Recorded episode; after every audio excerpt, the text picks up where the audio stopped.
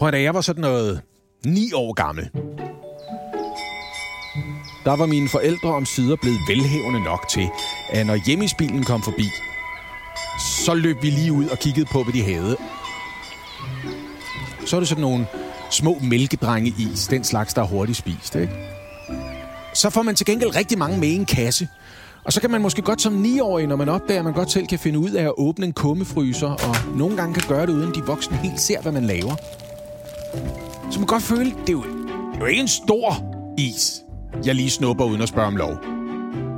Og så kan det godt være, at når man så har spist en lille is på sit værelse, jeg kan godt spise en is til. Og nogle gange så kan det blive til måske tre is, man ikke lige får spurgt om lov til at tage. Og så ved man godt lidt, at det er ikke okay. Så øh, ispapiret, det kan da godt tænkes, at hvis man hedder Lasse og er 9 år gammel, øh, så tænker man, det, jeg smider det lige ned bag ved skibsbriksen. Der er jo ikke nogen, der kan se det. Indtil den dag ens mor prøver at lære en at støvsuge selv inde på værelset. Så skal man også om bag ved skibsbriksen og trækker det ud. Og så er der en kirkegård af ispapir omme bagved. altså sådan noget. en 40-50 stykker samlet op på en måned eller sådan noget. Og hun griner lidt og går ud og siger det til min far. Så de bliver lige enige om, det er da derfor, der aldrig er is. På trods af, at vi køber i massevis. Og jeg hører mig selv sige, jeg ved ikke, hvor de kommer fra. Altså, det er jo en ret åbenlys løgn, jo. som barn at benytte sig af. Er det mm. simpelthen, fordi man som 9-årig ikke er dygtig nok til at lyve endnu? Velkommen til Primus Optimus, en podcast fra Lendo, der handler om, hvordan vi alle sammen kan prøve at træffe mere fornuftige valg i vores hverdag. Jeg hedder Lasse Remmer, og jeg kan godt undre mig over uærligheden. For at blive klogere på os alle sammen som irrationelle mennesker, så har jeg også i det her afsnit besøg af Sally Kalash, adfærdsforsker og beslutningsteoretiker. Altså, det er jo egentlig meget sjovt, fordi at, øh, at øh, når jeg kigger på mine børn, og hvordan deres hjerner har udviklet sig. Ikke? Lige nu, så er de i den der fase, min treårige, så kommer han og siger, mor, må jeg godt få en is? Far har sagt nej. Ikke? Så, så han er ikke... Ej, han er ikke dygtig endnu. Nej. nej, man tænker bare, tak for den servicemeddelelse, ikke? ja. Hvor min ældste på 6 skal godt sige, må jeg godt få en is? Far sagde, at du måtte bestemme, ikke? Selvom oh. han måske har sagt det. Den er ret interessant, ikke? Altså, hvor man kan se, at, at, at det at kunne lyve er jo også noget i forhold til, jamen, lige akkurat, hvordan har vores hjerne, hvor meget har vores hjerner udviklet sig. Ikke? Mm. Uh, og det er interessant at se, at det, det følger jo ad i forhold til, at vi har relativt store hjerner som, uh, som, som pattedyr. Ikke? Og vi kan se, når det er, vi kigger på vores uh, fætter kusiner og aberne, så kan vi også godt se, givet at de også har relativt store hjerner, har de også udviklet den her kreativitet, som det jo egentlig er. Det er evnen til at kunne tænke abstrakt og lidt mere kreativt, der også giver evnen til at kunne lyve. Ikke? Hvor man kan se, at aber kan, altså de lyver simpelthen for at lede deres ledere væk fra der, hvor maden er, fordi mm. de gerne vil beholde det for sig selv. Det er ret interessant. Så det, det giver super god mening, at vi kan lyve.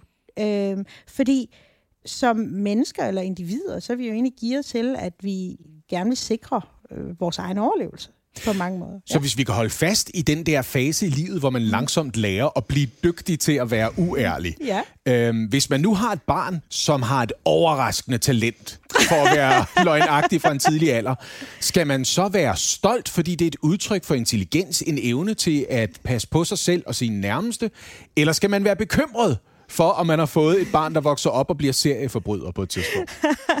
Ej, det synes jeg er lidt svært at sige. Jeg tror, at øh, det hjælper i hvert fald ikke at begynde at skælde ud på sine børn. Nu har jeg også en, der, der har en, en overordentlig god evne til at være kreativ. Lad os bare sige det sådan. Øh, og, og det er jo et sundhedstegn, at man kan tænke mere abstrakt. Man har det her thought of mind, og at man kan tænke lidt mere abstrakt og kreativt osv. Mm. Men det er jo også, du skal også passe ind i et samfund, og det er jo det, som, som er vores primære formål, at vi skal passe ind i nogle strukturer og nogle normer i et samfund. Og generelt set i et samfund er det jo ikke godt set, at, øh, at folk de lyver og bedrager og snyder. Så der er også et opdragelseselement i forhold til, hvad er rigtigt og forkert. Og heldigvis er mennesker bare utrolig modtagelige over for det også. Mm. Øhm, det er jo ikke sådan, at, at altså, alle lyver og alle snyder, men alle lyver og snyder kun en lille bitte smule, hvilket er ret interessant. Ikke? Mm. Så der er relativt få, altså det er en utrolig lille del af, af, af samfundet, som har den der fuldstændig amoralske tilgang til løgn og snyd. De fleste af os lyver og snyder lige akkurat, til vi stadig kan se os selv i øjnene. Og hvis vi pludselig bliver fanget af, at din mor hiver den der kiste frem og ser de der 50 pakker, så er det rigtig svært at acceptere det som en del af sin egen selvbillede, at man er den person, der har spist så mange is. Ikke? Så mm. træder en eller anden forsvarsmekanisme frem. Ikke? Hvilket er en utrolig sund tegn. Det betyder, at du er helt normal. ja, det var godt. Det var godt. øhm, ja. Kan det udvikle sig til at være en refleks? Noget, hvor vi lyver uden overhovedet at tænke et øjeblik over den moralske effekt, der ligger i at, at undergrave tilliden imellem mennesker ved at, ved at sige noget, Jeg vil der ikke sige, langt det meste af det, vi siger, og den måde, vi præsenterer os på, er utrolig ubevidst. Altså i den måde. Lad os sige, bare 10 minutter samtale, som du og jeg vil føre her. Ikke? Mm. 60 procent af mennesker lyver i en 10 minutters samtale. 60 procent, det er altså rimelig mange. Men hvad er det så for nogle løgne, der når at opstå i løbet af 10 minutter? Er det sådan noget med, ej, hvor er, hvor er det skønt at se dig igen. Det skal vi gøre meget oftere, mens man tænker, nej, det er egentlig fint, at vi ikke se så meget. Ja, ja, ja, det ja. kunne være sådan noget. Men de fleste løgne handler egentlig om, øh, at vi gerne vil præsentere os som bedre og federe øh, mennesker. Så det handler utrolig meget omkring, at vi gerne vil blive set som en federe person. Ikke? Mm. Så vi præsenterer, vi overdriver lidt. Ikke? Så der er utrolig meget af det, at vi overdriver. Vi vil omkring... gerne være klogere, mere ja, ja. betænksomme, mere generøse. Hvad lavede du i morges? du ved ikke, måske sad jeg og pillede navl, men, men du ved ikke, men, men nej, nej, jeg sidder og læser New York Times, ikke? Altså, ja, ja. du ved ikke, altså, vi, vi lyver bare en lille smule, men det gør vi egentlig hele tiden. Øh, og det primære er, at vi gerne vil, øh, vi gerne vil altså, blive, hvad hedder sådan noget? Altså, du ved ikke, vi gerne vil have lidt højere status i den relation, som vi har i. Mm. Så lyver vi, fordi vi gerne vil høre til. Ikke? Så lyver, nå gud, kan du godt lide det der? Det kan jeg også. Ikke? Altså, fordi jeg gerne vil have en eller anden form for relation til dig, og så lyver man en lille bitte smule, fordi jeg også gerne vil danne den, øh, den uh, relation og den connection. Ikke? Vi lyver også, øh, fordi vi gerne vil have ting. Ikke? Mm. Det kan godt være, at jeg lige kommer, og der, er sådan, der står, nu står der ikke noget kage på bordet. Det kan vi jo klage over. Men, men hvis det var, at jeg rigtig gerne vil have det, så vil jeg måske lyve og så sige, at jeg har heller ikke fået noget at spise i dag. Ikke? Altså, fordi mm. jeg rigtig gerne vil have den kage. Nu har jeg fået fin morgenmad. men altså, så vi lyver om, af mange forskellige grunde. Jeg tror, det er lidt det, man glemmer lidt. Vi har sådan en tendens til at se på mennesker som, at, at, at den der altså, et ordentligt menneske er ærlig og moralsk. Men der er utrolig mange andre ting, som mennesker værdsætter, udover at være ærlige. Det vi værdsætter at høre til. Vi værdsætter at have status. Vi værdsætter at få ting. Altså, der er mange ting, og vi skal på en eller anden måde, hver gang at vi indgår i en eller anden sammenhæng, så skal vi kalibrere alle de her værdier, vi har. Ting, vi gerne vil have og gerne vil fremstå som, over for det, altså øh, cost-benefit-analysen at være ærlig. Jeg har været sammen med min øh, hustru i fem år efterhånden, så vi kender hinanden ret godt. Og en af de ting, jeg har lært, har jeg lært af at være den første, der får lov til at for eksempel læse en opgave, når hun har skrevet en opgave på universitetet, mm. eller være den første, der får lov til at se, hvordan hun havde tænkt sig, at hun skulle være klædt til en fest, vi skal til for eksempel. Og så bliver jeg bedt om at tage stilling til det. Mm. Og det er en situation, jeg deler med mænd igennem århundreder. Okay, walk us through it, honey. Walk us through it. Okay, well, Janice said, uh, Hi, do I look fat today? And I, I looked at her. Whoa, whoa, oh. whoa. You looked at her? you never look. Mm. You just answer. It's like a reflex. Do I look fat? No. Is she prettier than I am? No. Does size matter? No. And it works both ways. Og efter fem år sammen med min kone, så håndterede jeg det sådan her sidste gang, hun bad mig om at læse en opgave. Jeg startede lige med alle de positive ting, øh, jeg havde at sige om hendes opgave. Og så stoppede jeg der. og, og det er noget, vi sådan er rent enige om. Det kan sagtens være, at der faktisk ikke er en finger at sætte på det overhovedet. Men hvis der er, så holder jeg den finger langt væk fra hendes opgave. Fordi af alle mennesker i hele verden, så har hun fundet ud af, at jeg er den, hun ikke har lyst til at høre den negative kritik fra og hun beder mig om den alligevel. Mm. Så jeg har ligesom fundet ud af, det er ikke et ærligt spørgsmål, når hun siger, hvad mener du om det her? Mm. Hvad hun siger er, vil du ikke nok fortælle mig, at jeg har gjort et godt stykke arbejde? Er, er jeg en forfærdelig ægte mand, eller er det her en naturlig øh, reaktion? Det er en utrolig naturlig reaktion. Kan du se? Jeg, jeg gør faktisk præcis det, jeg lige har sagt. Jeg prøver at gøre for hende. Der er jeg sådan lidt, øh, vil du fortælle mig, om jeg er en idiot, eller om jeg ikke er en idiot? Jeg synes lidt, det er et retorisk spørgsmål. Prøv at høre, du har simpelthen læst den situation så korrekt, at det handler jo i sidste ende om, man svarer på det spørgsmål, der bliver stillet. Mm. Og det er det reelle spørgsmål, der bliver stillet. Du Altså underteksten i det, ikke? Ja. ja. Forstå, hvad det er, der bliver stillet af spørgsmål. Og det gør du jo så fint i den her situation. Det spørgsmål, der bliver stillet, det er, synes du, at jeg gør et godt stykke arbejde? ja. Og svaret på det vil altid være, ja. Det, det er jo lidt, hvis vi skal være ærlige, en sexistisk floskel, den der ting med, at det er mænd, der altid bliver spurgt, ser min numse pæn ud i de her bukser? Og så har mænd lært at sige, du ser skøn ud, skat. For det er det, der bliver spurgt til. Ja. Der bliver ikke spurgt til en ærlig mening. Nej. Kan der være en fordel i at praktisere det der moderne fænomen, altså brutal ærlighed? Eller er det, øh, er det simpelthen for risikabelt at beslutte sig for at være et af de mennesker, som siger, når man møder en eller anden på gaden, som foreslår, skal vi ikke snart ses igen, sige, nej, ved du hvad, jeg har egentlig venner nok for tiden. Du virker som en flink fyr, men det kommer ikke til at ske. Altså, jeg tror, jeg kan, jeg kan med, med, med ro i samvittigheden sige, at der er ikke nogen, der søger ærlighed. Nej. I hvert fald ikke i den der ekstreme form. Jeg tror, det er rigtig vigtigt at sige, at der er en grund til, at vi har udviklet vores evne til det her, nu kalder vi det hvide løgne, for at, ligesom at give det sådan lidt uh, rosenrødt skær. Ikke? Men, men det passer rigtig godt, fordi der er mange ting, vi ikke vil høre. Jeg har ikke lyst til at høre, har du ikke lige taget 5 kilo på? Altså, det gider jeg da ikke at høre, ikke? Jeg har lyst til at høre, du ser da pisse godt ud, ikke? Mm. Eller jeg har lyst til at høre, ej, det var bare så dejligt at se dig i dag, ikke? Det kan godt være, at jeg er røvkedelig, men det er ikke det, jeg har lyst til at høre.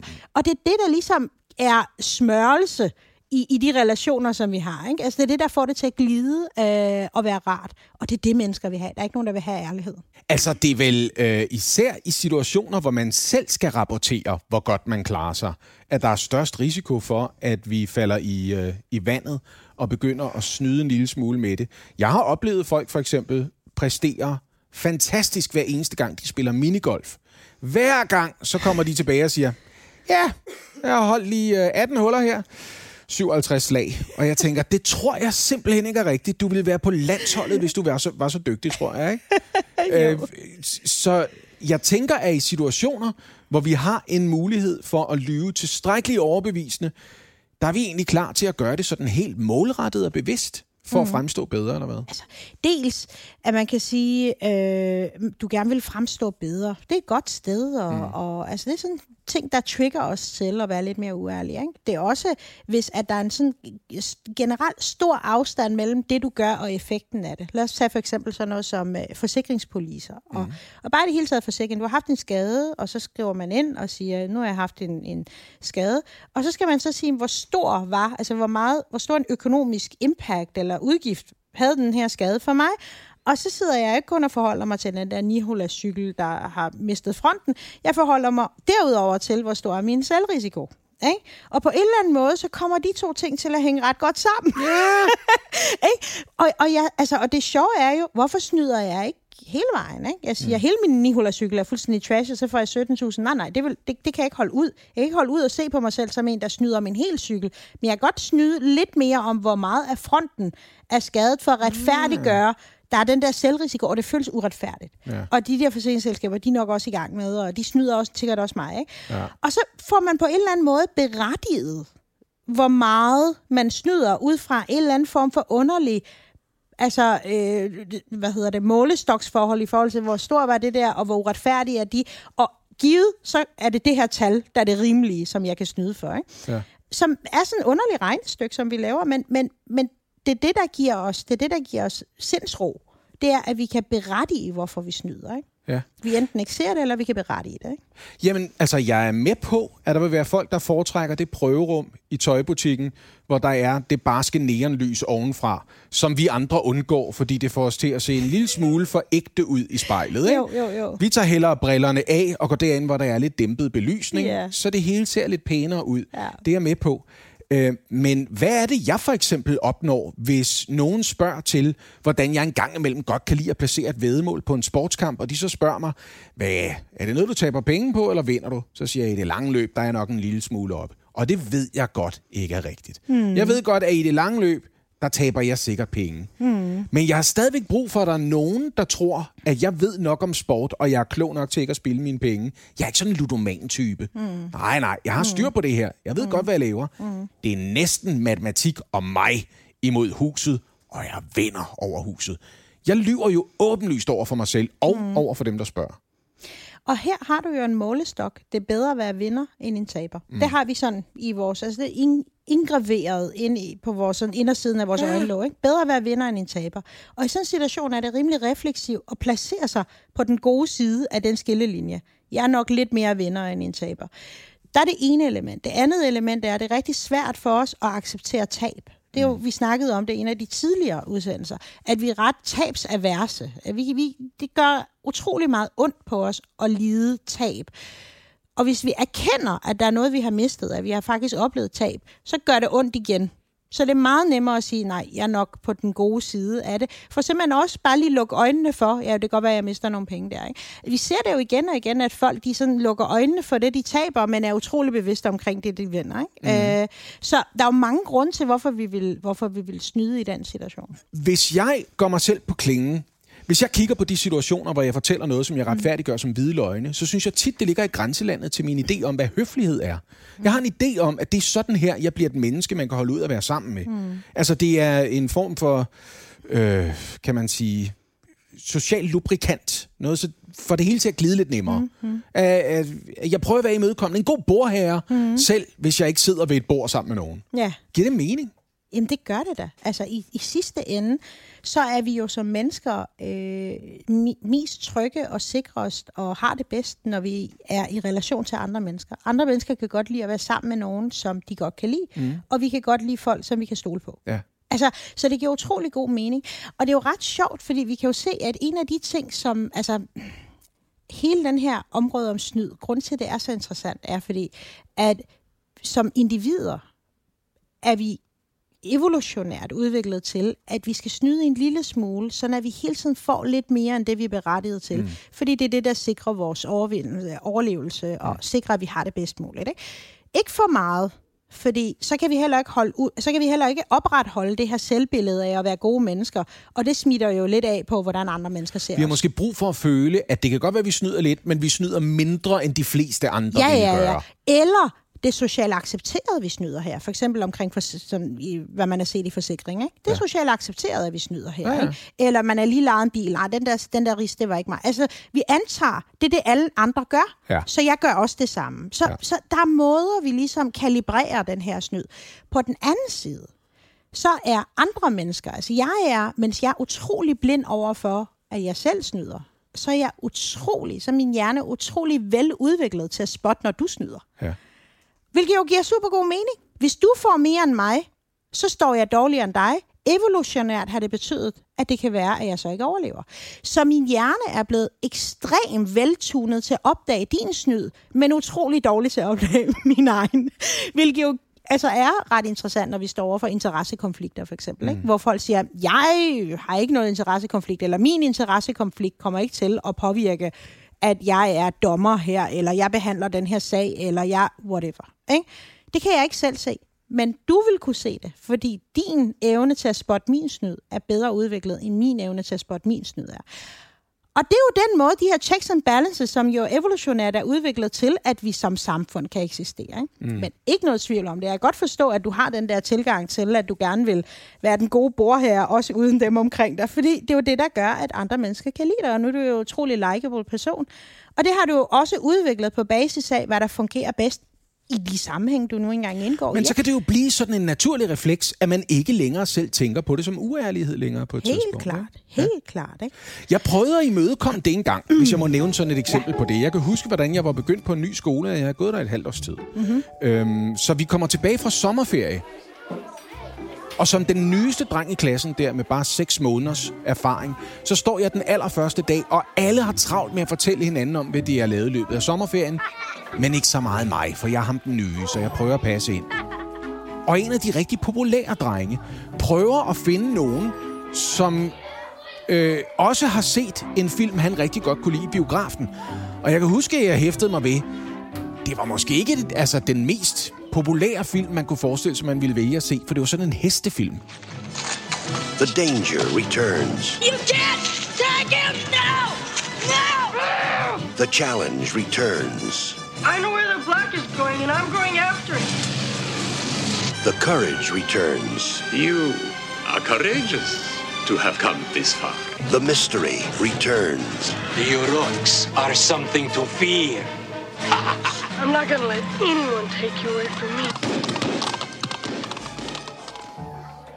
Og han elskede bare den film, og så han havde set den her film. Er der andre, der har set den? Og det var som om, han blev ignoreret, da han prøvede at skabe noget opmærksomhed om det. Så jeg fik på en mærkelig måde, selvom han var en af de populære drenge, det vidste jeg godt, og jeg var ham den nye. Jeg fik sådan lidt ondt af ham, at han stod der og flagrede, og der ikke var nogen, der ville snakke med ham om den film, han havde set. Og så kom jeg til at sige, der har jeg set. Og så kigger han over på mig, og med det samme begynder han at forhøre mig om, hvad filmen handlede om. Som om han fra starten tænker, det er jo åbenlyst, du lyver. Og så tænker jeg, det synes jeg ikke er fair. Jeg prøvede at redde dig fra, hvor pinligt det her det var for dig socialt, da ingen gad snakke med dig om den film, du har set. Så kan du godt tage at være lidt sød ved mig også, og lyve lidt tilbage. Og så lader vi begge to som om det. Men i stedet for, så udstillede han mig, og pludselig er alles opmærksomhed rettet på mig, der står og siger, Nå, men jeg troede måske, det var en anden film, du nævnte så alligevel. Det ved jeg ikke, om det kan... Jeg har, jeg har nok ført den forkerte titel. Hvad for en titel sagde du? For jeg har set E.T. Har du set E.T.? Den er god, i hvert fald.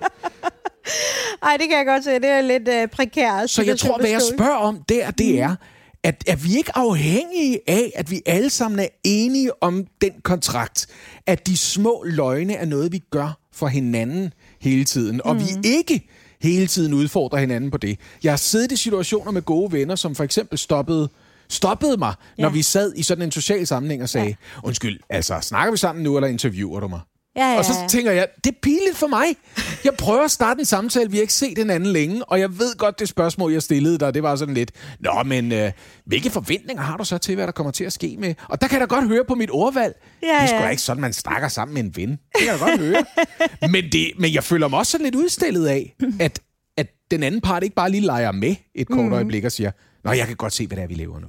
Jo, og tilbage til øh, den kontrakt, du nærmest har med din kone, ikke? i forhold til, at øh, jeres kontrakt er, at du giver ros. Mm. Ikke? Ja. Og, og du ved, responderer på det, som, som du ved, hun forventer. Ikke? Mm. Og der er det jo, altså, generelt set kan vi godt være, altså er der jo forståelse om, hvad man siger, hvad man ikke siger. Altså forskellige samfund har jo forskellige normer, skal man jo også sige. Ikke? Så man, man honorerer de normer, der nu engang er i samfundet. Det er også derfor, at i nogle andre samfund kan man godt komme til at træde sådan lidt ved siden af. Mm. Uh, og når jeg sådan siger det, er det fordi, jeg husker, på et tidspunkt var jeg i, uh, i uh, Kina, i Shanghai, og besøgte en uh, kammerat, og jeg havde mødt ham i USA, og, og, øh, og, og da jeg så kom til Shanghai, så siger han, jeg ved hvad, jeg inviterer lige resten af min familie, så kan du lige møde dem. Øh, super hyggeligt, og vi sidder der, og de flere af dem kan ikke tale engelsk, så han sidder og oversætter.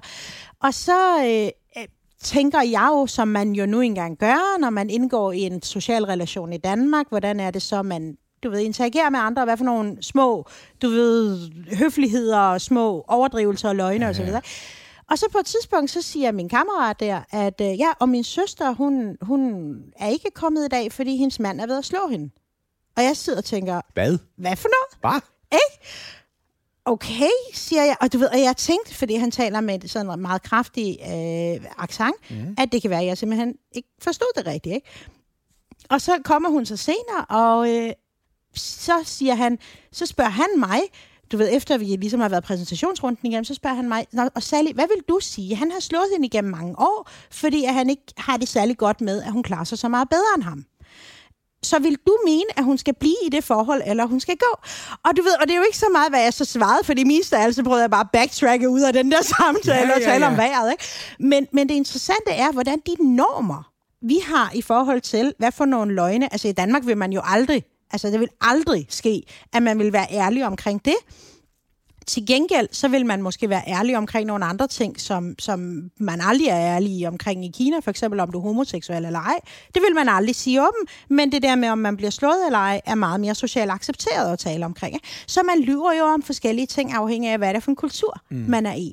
Så hvad man lyver om, er kontekstafhængigt. Men det, at man lyver for hinanden, det er givet. Det er menneskeligt, og vi gør det. Og man har lavet de her studier på tværs, altså, hvor man har jo lavet utrolig mange studier omkring, hvor meget folk de snyder, og i hvilke kontekster osv. Og der ved vi jo, der er ikke nogen befolkningsgrupper eller mennesker, som er mere snydagtige end andre. Vi lyver og stjæler alle sammen lige meget. Lige meget, hvor vi kommer fra i verden. Så der, på den måde er der jo ikke nogen forskel. Men der er nogle kulturelle forskelle. Og især er der så nogle ting som, hvornår er det acceptabelt, og i hvilke kontekst er det acceptabelt at lyve. Mm. For eksempel korruption. Ja. Ikke? Ja, for jeg kunne forestille Ja. mig, bare lige indskudt, Ja, ja. jeg kan forestille mig, korruption, det er, hvad et samfund for alvor kommer til at slås med, når alle langsomt eskalerer deres oplevelse af, hvor løgnagtige og bedrageriske alle andre er. Nu, du nævnte det her ja. med, vi afstemmer det efter, hvad vi forestiller os er normen. Fuldkommen. Men det gør de andre jo også, de snyder Ja, ja, også. Så det er jo Ja. ikke så meget snyd, når jeg gør det, for jeg snyder ja. ikke mere, end de gør. Ja, ja. Vi snyder bare alle sammen. Og det er det, fordi der er, altså, vi skal hele tiden, en af de ældste ting inden for øh, kognitiv psykologi, er jo kognitiv dissonans, som basalt set betyder forskellen mellem, hvordan altså, jeg oplever mig selv, og hvordan, altså, hvad jeg oplever, og hvad der faktisk sker. Der må ikke være for stor en forskel mellem det her. Mm. For eksempel, forskel mellem, hvor ærlig jeg oplever mig selv, og hvor ærlig jeg er, eller hvor ærlig jeg oplever mig selv, og hvor ærlig andre oplever mig, den må ikke være for stor. Det skaber en dissonans. Det skaber en, hvad hedder det, sådan usammen, usammenhæng, ja. Øh, som er utrolig stressende for hjernen. Det er også derfor, vi ikke snyder mere end det, vi gør. Vi snyder en lille smule hele tiden. Og berettiger det konstant, om de andre gør det, eller det, det er også okay, eller de fortjente det, eller det skader ikke nogen. Nej. Eller, vi er hele tiden i gang med en eller anden form for øh, begrundelse af, hvorfor det er okay. Ja, For jeg håndtere- tager fra en kasse, ingen kan finde ud af at bruge klogt alligevel. Ikke? Ikke? Ja. Banken har så mange penge. Ikke? Ja. Altså, så vi er hele tiden i gang De med... snyder også mig med gebyrerne, Sally.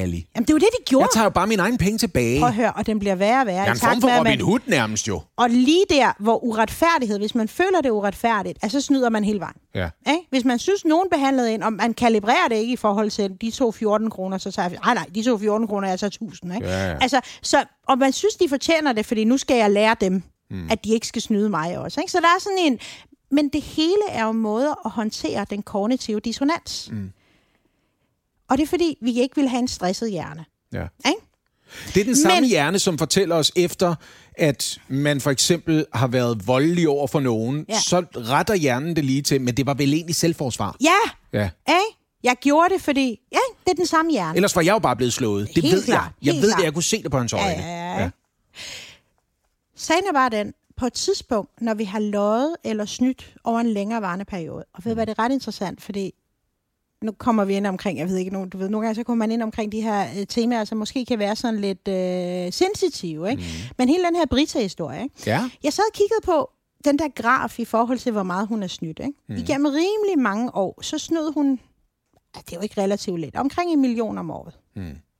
Og så pludselig snød hun 10, 15, 20 millioner over nogle år. Den kalder vi what the fuck effect. Det er et dejligt akademisk udtryk, det der, Det er, ja, ja, det er utroligt, det. What the fuck effect. Ikke? Det er, hvad fanden skete der der? Ja. Og det er der, man ved, at den kognitive dissonans, den ikke er relevant længere. Mm. Fordi på et tidspunkt vender hjernen sig til, nu har jeg snydt igennem rimelig lang tid, det er okay. Og så giver den slip. Mm.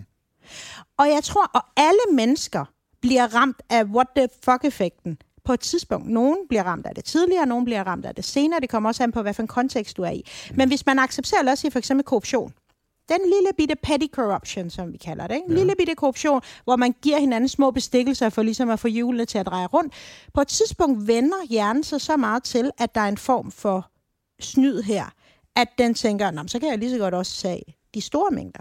Og det er det, der er så interessant omkring snyd, og det er derfor, vi skal være så opmærksomme omkring det, er, what the fuck-effekten vil altid træde til. Og når den først kommer, så alle tabere. Altså fordi pludselig så er der nogen, der, der skraber utrolig meget til sig. Ikke? Og efterfølgende, hvad enten vi har set Brita eller Stein Bakker, eller hvem vi har set, ikke? at dem, som ikke er Trump-agtige, som ikke er mere amoralske, jeg tror, at der er nogle andre ting, der, spil, der, der er i spil hos ham. Men lad os bare sige normale mennesker, som er et dejligt begreb, vi tager op hver gang, vi sidder og snakker sammen. Normal people, ikke? Når det er, at de står i den der situation, hvor de er blevet ramt af what the fuck-effekten, og de har snydt utrolig meget, så kommer de efterfølgende, og så siger de, at jamen, så er de jo blevet sådan, de, de har følt sig i en eller anden form for krydspres. Ikke? Mm. Øh, og fortryder det utrolig meget efterfølgende. Ikke? Øh, men man kan simpelthen se, der har jo været en bevægelse, som, som har ledt den der, og det er tidligere, man skulle have slået ind. Ikke? Mm. Altså, jeg kan jo så godt gennemskue, at hvis man gerne vil gøre noget ved folks adfærd, Mm. øhm, så nytter det ikke vanvittigt meget, det der med at sætte hårdt mod hårdt. Nu snakker vi ikke nødvendigvis om bedrageri for 100 mm. millioner kroner. Mm. Der kan det godt være nødvendigt at sætte hårdt mod hårdt. Mm. Men sådan det lille bedrageri, vi alle sammen gør skyld i, der kan det ikke betale sig at se folk i øjnene og sige, hvad laver du? Det skal du holde op med nu. Nej. Og det er derfor, man har udviklet en måde prikke folk lidt i den rigtige retning. Mm. Sige, prøv, hvis du, vil, hvis du gør det lidt bedre, så kan du gå derover og gøre det på den her måde. Det, mm. Nu sagde jeg bare, muligheden er der. Mm, mm. Øh, hvorfor virker det, man kalder nudging, og hvordan virker det i det hele taget? Det er egentlig ret sjovt, ikke? fordi hvis, lad os gå tilbage til kognitiv dissonans. Mm. Hvis du lige har taget, lad os sige, tre kuglepinde fra dit arbejde, det er også en form for snyd. Altså, du, du, altså, det er faktisk noget af det største svindel, der foregår på samfundsplan. Det er folk, som tager kaffekapsler og post-it-blokke og kuglepinde. Så det er den største snyd, der sker overhovedet. By far mere end alt andet tyveri, der er. Ikke? Så. Men lad os sige, at øh, du lige har taget øh, tre kuglepinde, og så kommer jeg hen og siger, Lasse, hvorfor snyd? Øh, altså, hvorfor, hvorfor stjæler du? Den kognitive dissonans, som vil komme mellem, hvad du synes, din adfærd er, tre kuglepinde, og mig, der kommer og sætter dig, du ved, nærmest i spjældet, ikke? Det er simpelthen for stor en, en, en spread, så du vil blive sur. Jeg har ikke engang taget tre kuglepinde, og min hjerne siger allerede nu, jeg skal, jeg skal bruge de der, jeg bruger dem til arbejde derhjemme. Ja, ja, ja. ja. Prøv at høre, ja, det nytter jo ikke noget, hvis jeg får en idé, som jeg kan bruge til det der ja. møde, jeg har på mandag, hvis jeg ikke kan skrive den ned. Prøv at høre, det er jo i, ja. det er vores allesammens interesse, at jeg har en kuglepen. Og du vil ikke særlig godt kunne lide mig bagefter. Nej. Ikke? Altså, så lad os lige blive... Lad... Og jeg vil ikke brokke mig over, at du sagde, hvorfor stjæler du kuglepinden? Jeg vil stå nede i kantinen og finde noget andet, jeg ikke kan lide ved dig. Ja. Ja. Men vi kan godt blive enige om, hvis alle mennesker her i virksomheden tager tre kuglepinde, fem post-it-blokke og alle kaffekapslerne, ikke? Ja. så har vi et problem i organisationen. Ja, det løber op, det der. Ja, det løber op, ja. det der. Så, så der er i hvert fald en eller anden udfordring der. Når nudging virker, er det fordi, at den tager højde for, altså den, den kommer ikke til at røre ved den der kognitive dissonans. Altså den kommer ikke til at røre ved din selvopfattelse af, hvordan du ser dig selv, og hvad du faktisk gør. Det beskæftiger den sig slet ikke med. Den aktiverer en anden del af din hjerne. Og det er bare lige for at gå tilbage til det, noget af det første, jeg sagde, som er, vi mennesker har mange værdier, vi kalibrerer over for hinanden. En af dem må være ærlig. En anden ting er, at jeg vil gerne have de der tre kuglepinde. Mm. Når du tager de tre kuglepinde, så har du ikke dit moralske kodex eller kompas aktiveret. Du har din jeg vil have. Altså, det er noget helt andet, du har aktiveret. Så det, jeg skal gøre, er, jeg skal skifte fokus i din hjerne fra det, du vil have, til det, du bør. Og det gør jeg på nogle helt andre måder. For eksempel gør jeg det ved at mindre om moral. Mm. Det er ret sjovt. Der var det her eksperiment. Princeton har et æreskodex. Så har man lavet de her eksperimenter på, på MIT og på Princeton, hvor man giver folk mulighed for at snyde. Og det foregår basalt set ved, at du får det her spørgeskema, som du skal udfylde. Så er der sådan det her multiple choice, hvor du kan svare på nogle spørgsmål. Og så bagefter, så går du op til en maskine, som er sådan en makuleringsmaskine, så prøver du det igennem der, så ingen kan se det. Og så går du op til ham, der du ved, udstiller eksperimentet og siger, jeg svarede på seks rigtige. Så der er ikke nogen, der ser, har du svaret, eller på fire, eller hvad det er. Og i det hele taget, det, det der er med den der makuleringsmaskine, at man er sådan fedtlet lidt med den, så det er kun siderne, der bliver makuleret. Midterste del er stadig intakt, men du hører stadig den der lyd. Bzzz, ikke? Ja, ja. Og, så, og du tænker, at, at papiret er makuleret, så der er ikke nogen, der kan se det. Ikke? Det man efterfølgende kunne se var, at øh, i gennemsnit svarede folk på fire rigtige, men mm. gik op og sagde, at jeg har svaret på seks rigtige. Så det passer meget fint med den der lille bitte. Vi snyder ikke max, men vi snyder en lille smule. Nej, nej, jeg siger ikke, at jeg er et geni. Nej, nej. Jeg siger bare, jeg, snyder jeg er lidt lille. dygtigere, end jeg i virkeligheden er. Ja. Det interessante var, hvis for eksempel på Princeton, at man inden man gik i gang med den øvelse, så sagde man, kan du huske Princetons æreskodex? Hvis folk huskede på det for inden, så svarede de helt korrekt. Jeg har svaret på fire rigtige. Der blev det mindet om deres moralske kompas. Det interessante var, på MIT lavede man den samme øvelse, hvor man sagde, husker du på MIT's æreskodex? Samme effekt. Det interessante er, at MIT har ikke noget æreskodex. Det hele handler om at få skiftet folks fokus fra at være, at jeg vil have, til jeg er et moralsk menneske. Mm. Tilbage til vores hjerner. Vores hjerne kan ikke bearbejde mange informationer på én gang. Og hvis vi står med en impuls, der hedder, jeg vil have nogle forskellige ting, eller jeg vil gerne hævne mig på dig, eller jeg vil gerne osv., så, så er det nærmest som sådan en spotlight på en scene. Det er det eneste, du ser, mm. og det er det eneste, du agerer ud fra. Men det øjeblik, jeg flytter din spotlight og siger, hov, men du skal også huske på moralen, ikke? eller Jiminy Cricket, ikke? eller hvad, øh, ja, forkylling, det er. Ikke? Ja, Du lige huske- Jesper Forkylling, der sidder på Jesper, skulderen og siger, akkurat. hvorfor opfører du dig sådan, Pinocchio? Lige nøjagtigt, ja. ikke? Så er det, at du begynder at ændre adfærd. Og det er en lille bitte nudge. Det er den lille bitte nudge, der har den størst mulige effekt. Som også er med til at, at reducere noget af den der what the fuck-effekt, ikke? Som, mm. øh, som kommer. Så det at appellere til vores ønske om at være gode mennesker fungerer bedre end for eksempel dårlig samvittighed, eller hvad? Dårlig Øh, samvittighed fungerer ikke nej. i den her sammenhæng. Altså, og især hvis du siger, altså du ved, og det kommer igen an på, hvordan at du vil aktivere den der dårlige samvittighed. Hvis man for eksempel skriver, øh, 30% eller 40% af de folk, der er her, øh, rydder aldrig op efter sig selv, eller snyder, eller, altså, så får man endda en idé omkring, at det her det er normalen eller normen, eller at det er okay at gøre. Dårlig samvittighed virker ikke. Det fungerer at minde folk om det, der mangler i situationen, som er din moralske kodex. Det er det, der mangler i situationen. Så hvis du fylder det ligesom et puslespil, hvis du bare fylder den brik ind, så har det i sig selv en effekt. Mm. Og vi behøver ikke engang nødvendigvis der at skilte med det, eller at vide af andre for det at vide. Nej. Det er ikke strengt Nej, nødvendigt. nej, nej. Jeg er 48 år gammel. Lad os nu sige, at jeg, det øjeblik, du og jeg siger tak øh, for i dag til hinanden, så beslutter jeg mig for, jeg har tænkt mig at lægge alle de kræfter, al den tankeaktivitet, jeg overhovedet har i at leve et ærligt liv resten af livet. Hvor længe tror du så, det vil holde? Altså, går du, går du bare ud med den intention? Ja, hvis jeg gik ud af døren her og sagde... 10 minutter? Okay, jamen prøv at høre. Så vil jeg så heller ikke have så dårlig samvittighed over, at jeg ikke er i stand til at slippe afsted med det. Jeg tror, hvis du laver en masse støttesystemer omkring det, så, får du, altså, så kan det godt blive hårdt. Ikke? Og det kommer også an på, hvad du mener. Ikke? Vil du så gå ned hjem til din kone nu og så sige, den der rapport, du skrev, det var bare noget lort. Der vil jeg gerne lige understrege, skat, hvis du lytter til det her, den var super god. Du har aldrig nogensinde lavet noget, der var mindre end fremragende.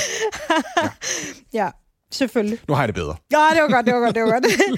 men, altså, men, men, men det er bare for at sige, altså lige nu taler vi jo bare omkring mennesker. Altså jeg tror ikke, man skal sådan gå og herfra og, og, og få det utroligt dårligt med sig selv. Bare lige tilbage til de der, altså selv vores øh, artsfælder, aberne, har en incitament til at gemme maden øh, for de andre, fordi at hvad nu, hvis vi ikke kan finde mad igen? Ikke? Så der har man udviklet mekanismer til at, øh, at, at gemme maden til sig selv. Bare for at sige, at det er en del, altså vi skal bare acceptere, det er bare en del af det at være mennesker. Mm. Vi kan godt gøre noget ved det, men vi skal ikke begynde at hænge os selv på korset for, at det sker. Det sker. Og i dag er jo nogle af problemerne ved det, det har altid været der, men nogle af problemerne i dag er jo, at det, har, det kan have kæmpe omkostninger ved, hvis der er nogle få centrale systemer eller mennesker, som, øh, som, som ikke har nogen stopbremser, ikke? altså en eller anden form for stopklods i det her. Så kan det have en kæmpe effekt ud i et helt system. Øh, den finansielle sektor for eksempel, eller det politiske system eller lignende. Ikke? Fordi systemerne i sig selv har så stor en impact på samfundet. Det er det, der er problemet. Øh, så jeg vil mene, at hvis vi skal gribe det her an på som menneskelig plan, det giver mening at fylde dit liv op med en masse æreskodexer eller andet. Er du religiøs? Kig på de 10 bud. Er du ikke? Se på humanismen, og hvad, hvordan er du et ordentligt menneske? Og fyld dit liv med det. Men systemerne skal have deres egen metoder for, hvordan at de debuyer som mennesker, sådan at vi er mindre uærlige. Ikke? Eller i hvert fald stopper noget af det her snyd fra og, og eskalere. Sally, jeg bliver så meget klogere, hver gang jeg taler med dig, og det mener jeg af et ærligt hjerte. Se mig i øjnene. Se mig i øjnene. Sagen er den, jeg kan ikke se intention, fordi evolutionen har givet dig en forkant der. Jeg kan ikke se, om du mener det eller ej. så, så jeg vælger at tro på min egen brillians og acceptere det nok. Det. Og jeg vælger at tage det som en ærlig kompliment, at du roser mig for at være dygtig til at lyve. Ah, ah, det skal du så.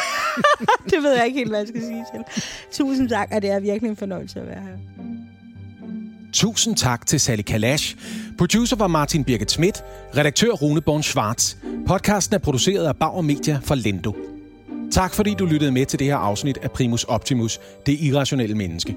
Det er Lendo, der udgiver podcasten, og Lendo er Nordens største sammenligningstjeneste for lån, som hver dag hjælper tusindvis af kunder med at træffe mere rationelle og bevidste valg omkring deres private økonomi. Besøg lendo.dk for at lære mere. På lendo.dk-podcast kan du i øvrigt læse mere om podcastens andre afsnit, og selv komme med input til, hvad vi skal undersøge og tale om i podcasten. Vi høres ved.